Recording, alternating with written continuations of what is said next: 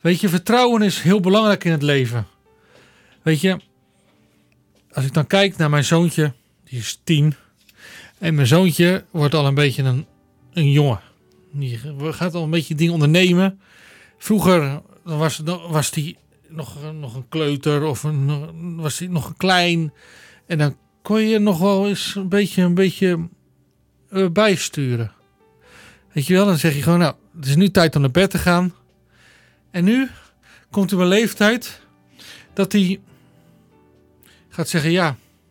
Dat hij gaat, dat hij gaat, gaat, gaat, gaat hij overleggen. Dat hij gaat zeggen ja, maar ik wil, kan ik niet later naar bed? Waarom moet ik zo vroeg naar bed?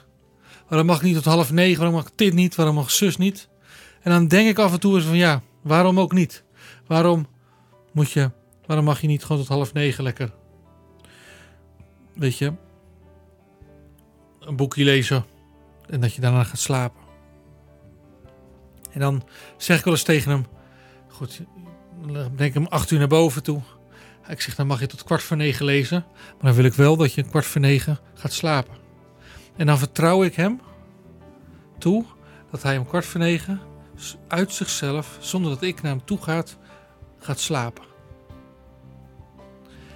En dan toch nog, weet je wel, ga je om negen toch nog even op een hoekje kijken of die werkelijk waar ligt te slapen. Weet je, en dan denk ik, als ik hem dan zo, dan ga ik kijken en dan ligt die jongen gewoon lekker te slapen. Dan heeft hij zijn boekje weggelegd. En of dan is hij aan het gaan slapen, of hij ligt al te slapen. En dan denk ik van ja, ik kan jou wel vertrouwen dat jij dit gaat doen. Weet je, vertrouwen is zo belangrijk. En vertrouwen is, is belangrijk genoeg om, door te gaan in het leven. Als ik zo denk van, als er geen vertrouwen is in een relatie, dan is er ook geen, geen houvast om door te gaan. Is er ook geen reden om mee verder te gaan, want vertrouwen is weg. Vertrouwen is iets heel belangrijk in een relatie, maar ook in de relatie tussen jou en God. En ja, soms kan je je vertrouwen geschaad zijn. En dan kan je, doordat je iets vroeger hebt meegemaakt, kan je weinig vertrouwen in de medemens hebben. Of in dingen. Dat je het allemaal maar zelf gaat lossen. En dan kan je zien dat je een beetje blijft hangen op een bepaald niveau. En dan merk je dat niet alles zo lekker vanzelf loopt omdat je toch niet durft te vertrouwen dat het goed gaat komen. Dat je altijd over en over na moet denken van... Ja, maar wat stel je voor als dit zo gebeurt? Stel je voor als dit als dan gebeurt? Ja. En dan merk je dat het dan een beetje hapert. En dat het dan niet helemaal lekker gaat. Dat er een klein kinkje in de kabel zit. Of dat er een klein vuiltje in zit. En dat het niet, dat het niet lekker loopt. En dan lezen we in Jozua 1 vers 9. En dat vind ik de belangrijkste tekst die je vanavond mag onthouden. En ik lees nog één keer voor. Vergeet niet wat ik tegen jou heb gezegd. Dus vergeet niet wat ik tegen jou, wat tegen je heb gezegd. Dat is wat Jozua zegt. Maar niet tegen de mensen in het Oude Testament alleen. Ik geloof dat dit ook nu nog steeds toepassing heeft op ons. En dan kun je zeggen, ja, maar het Nieuwe Testament is meer relevant voor ons. Dat is ook zo. Maar in het Oude Testament staan ook zat dingen die heel belangrijk zijn voor ons. Dus we gaan nog eens lezen. Vergeet niet wat ik tegen je heb gezegd. Nou, misschien zet je daar je naam maar eens neer. Je haalt je weg en je zet je naam neer. Dan stel je voor, ik zeg mijn naam neer. Vergeet niet wat ik tegen Corné heb gezegd. Oeh, dat wordt persoonlijk. Of tegen Piet heeft gezegd. Of tegen Klaas heeft gezegd. Of tegen Mirjam heeft gezegd. Nou, vul je eigen naam in. Wees vastberaden en vol vertrouwen. Wees dus nooit bang. Want ik, je Heere God, ben met je. Waar je ook gaat. Dat is een. Dat, je mag, weet je, daar mag je op vertrouwen.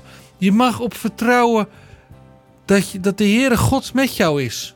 Waar je ook bent, in welke, welke levens, in welk, in welk seizoen je zit in je leven. De Heer is met je. En misschien is het geen leuk seizoen. Misschien is het een pijnlijk seizoen. Maar geloof dat de Heer met jou is. Hij is bij jou. Hij wil jou graag helpen. In goede, maar ook in slechte tijden. Want daar is jij God ook voor. En denk niet dat God die slechte tijden jou gegeven heeft. Hij heeft het misschien toegelaten. Maar hij heeft het je niet gegeven. En ik geloof ook dat God jou gaat helpen. In die zware tijden die je mag hebben. Weet je, je mag soms gewoon het moeilijk hebben. Dat heeft iedereen. Er is geen, er, en als je denkt dat, dat er mensen zijn die het niet hebben, dan heb je dat mooi mis. We hebben allemaal seizoenen in ons, in ons, in ons reis naar Jezus toe. En soms zijn het hele mooie seizoenen. En dan kan je dat een beetje als een beetje als lente zien. Dat alles gaat bloeien en alles mooi gaat worden. Maar soms kan het ook dorre momenten, seizoenen zijn, zoals winter, herfst. Weet je, dat alles een beetje kaal is en grauw is. En dat het allemaal even niet meer, even, even net niet is. Maar dan nog is God bij je. Maar dan nog houdt Jezus je vast. En dan nog wil Hij bij je zijn. En dat is zijn belofte. Hij vraagt alleen vertrouw mij. En dat doe je om niet bang te zijn, maar te vertrouwen op God de Vader. Dat Hij bij je mag zijn en dat Hij er voor jou is. Wauw, wat een belofte, dames en heren. Wat een vertrouwen. Als je dat hebt. Fantastisch. Nou, weet je, misschien is het misschien een beetje makkelijk praten. Wat ik net deed over vertrouwen. Net mee, weet je, het is makkelijk praten van ja, maar je moet vertrouwen hebben. En ja, joh, het komt allemaal goed. weet je, het is zo makkelijk gezegd dan gedaan. Mijn ervaring zie ik dat ook maar mezelf wel van. Ik ben vroeger heel veel gepest geweest en ik heb een beetje vertrouwen, minder vertrouwen gehad in mensen omdat ik bang was wat ze van me vonden. Dat ik maar, maar raar, dat ik dan maar gewoon mijn, mijn, ja, gewoon hoe noem je dat? Dat ik gewoon dingen anders ging doen om maar leuk gevonden te worden. Wat ik eigenlijk niet mezelf, niet de Corné was die moest wezen. En dat heeft me ook te vertrouwen in andere dingen beschaamd. En dan kun je zeggen, ja, maar dat is niet God. Nee, maar God heeft er ook indirect mee te maken. Want zelfs als je geen vertrouwen in de medemens hebt, omdat je bang bent dat je niet leuk genoeg bent gevonden te worden, dan ga je automatisch ook minder God vertrouwen. Omdat jij dan ook denkt van nou, God ziet me niet staan. God wil me niet. God vindt me niet leuk. Wat doet God met mij? Het zijn allemaal dingen en gedachten die jij zeg maar gewoon in je opkomt. Gewoon kan opnoemen. Als je die vertrouwen niet zo had. Weet je, ik heb al ervaringen genoeg gehad dat God, dat God heeft laten zien dat hij echt vertrouwen is. Omdat, Heer, God altijd, wat ook in 2 Samuel 7 vers 28 staat, omdat de Heer ook altijd gewoon doet wat hij gezegd heeft. Want de Heer zegt Samuel, Heer, u bent God en u doet altijd wat u heeft gezegd. U heeft mij deze prachtige dingen beloofd. Weet je, als God jou iets belooft, en God tegen jou zegt: ik, Jij bent de, een mooi persoon. Je bent een, mijn, lief, mijn allerliefste kind. Dan zegt hij niet over een paar jaar, over een paar weken dat het niet zo is. Dan, dan, dan houdt hij zijn woord. En dan blijf jij zijn liefdevolle kind. Weet je? God is te vertrouwen. Wat God zegt, gebeurt ook.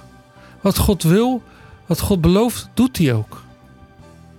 En ik mocht het ervaren toen tien jaar geleden, nou negen en half jaar geleden, mijn moeder ging overlijden. En ik dacht echt van, hoe kom ik hier doorheen? Want ik was heel gek van mijn moeder. En ik hield veel van haar. En ik kon niet zonder haar. En niet dat ik dan een mama's kindje ben, maar we hadden een goede band met elkaar. En opeens werd ze ziek. En werd ze zo ziek dat ze niet meer beter zou worden. En dan weet je gewoon dat er een tijd gaat komen dat je afscheid moet gaan nemen van haar. En als je van iemand er heel veel houdt, en dan moet je afscheid van nemen. dat is zwaar. En dan kan je boos zijn op God. Van waarom God dat allemaal gedaan heeft. Waarom, waarom, waarom God het toegelaten heeft dat mijn moeder ziek is geworden. Maar in die tijd dat mijn moeder is overleden. In de rouwperiode.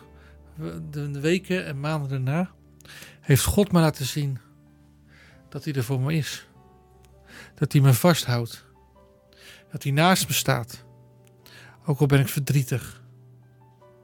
Hij heeft ook laten zien dat het oké is. Dat ik boos mag zijn. Maar dat het oké is met mijn moeder. Ze heeft nu rust. En weet je, zo laat God zien dat hij te vertrouwen is. Dat hij gewoon als een va liefdevolle vader naast je gaat staan. En je gewoon troost. Zoals ik mijn kind zou troosten als die verdrietig is. Weet je, misschien heb jij zoiets meegemaakt. Dat je denkt, ik vertrouw niemand meer. Ik ben benadeeld, ik ben bestolen. Ik heb mijn pijn, ze hebben zo die pijn gedaan. Maar ik kan je vertellen dat God, de Vader, naast je staat. En hij voelt die pijn met jou mee. Maar hij heeft een goed plan met jou. En hij vraagt, wil je me vertrouwen? Wil je mij vertrouwen? En wil je me mijn gang laten gaan om het weer goed te maken? Om, het, om je te helen, om je te herstellen. Durf je het aan? Durf je het aan om jouw leven in mijn handen te geven? Zodat ik je weer mooi kan maken. Zodat ik weer bij je kan zijn. Zodat jij weer kan floreren. En dit wilde ik vandaag delen. Dit kwam op mijn hart. Vertrouw op God. Want Hij houdt van jou. Hij ziet jou staan. En hij zal je nooit teleurstellen. Halleluja. Amen.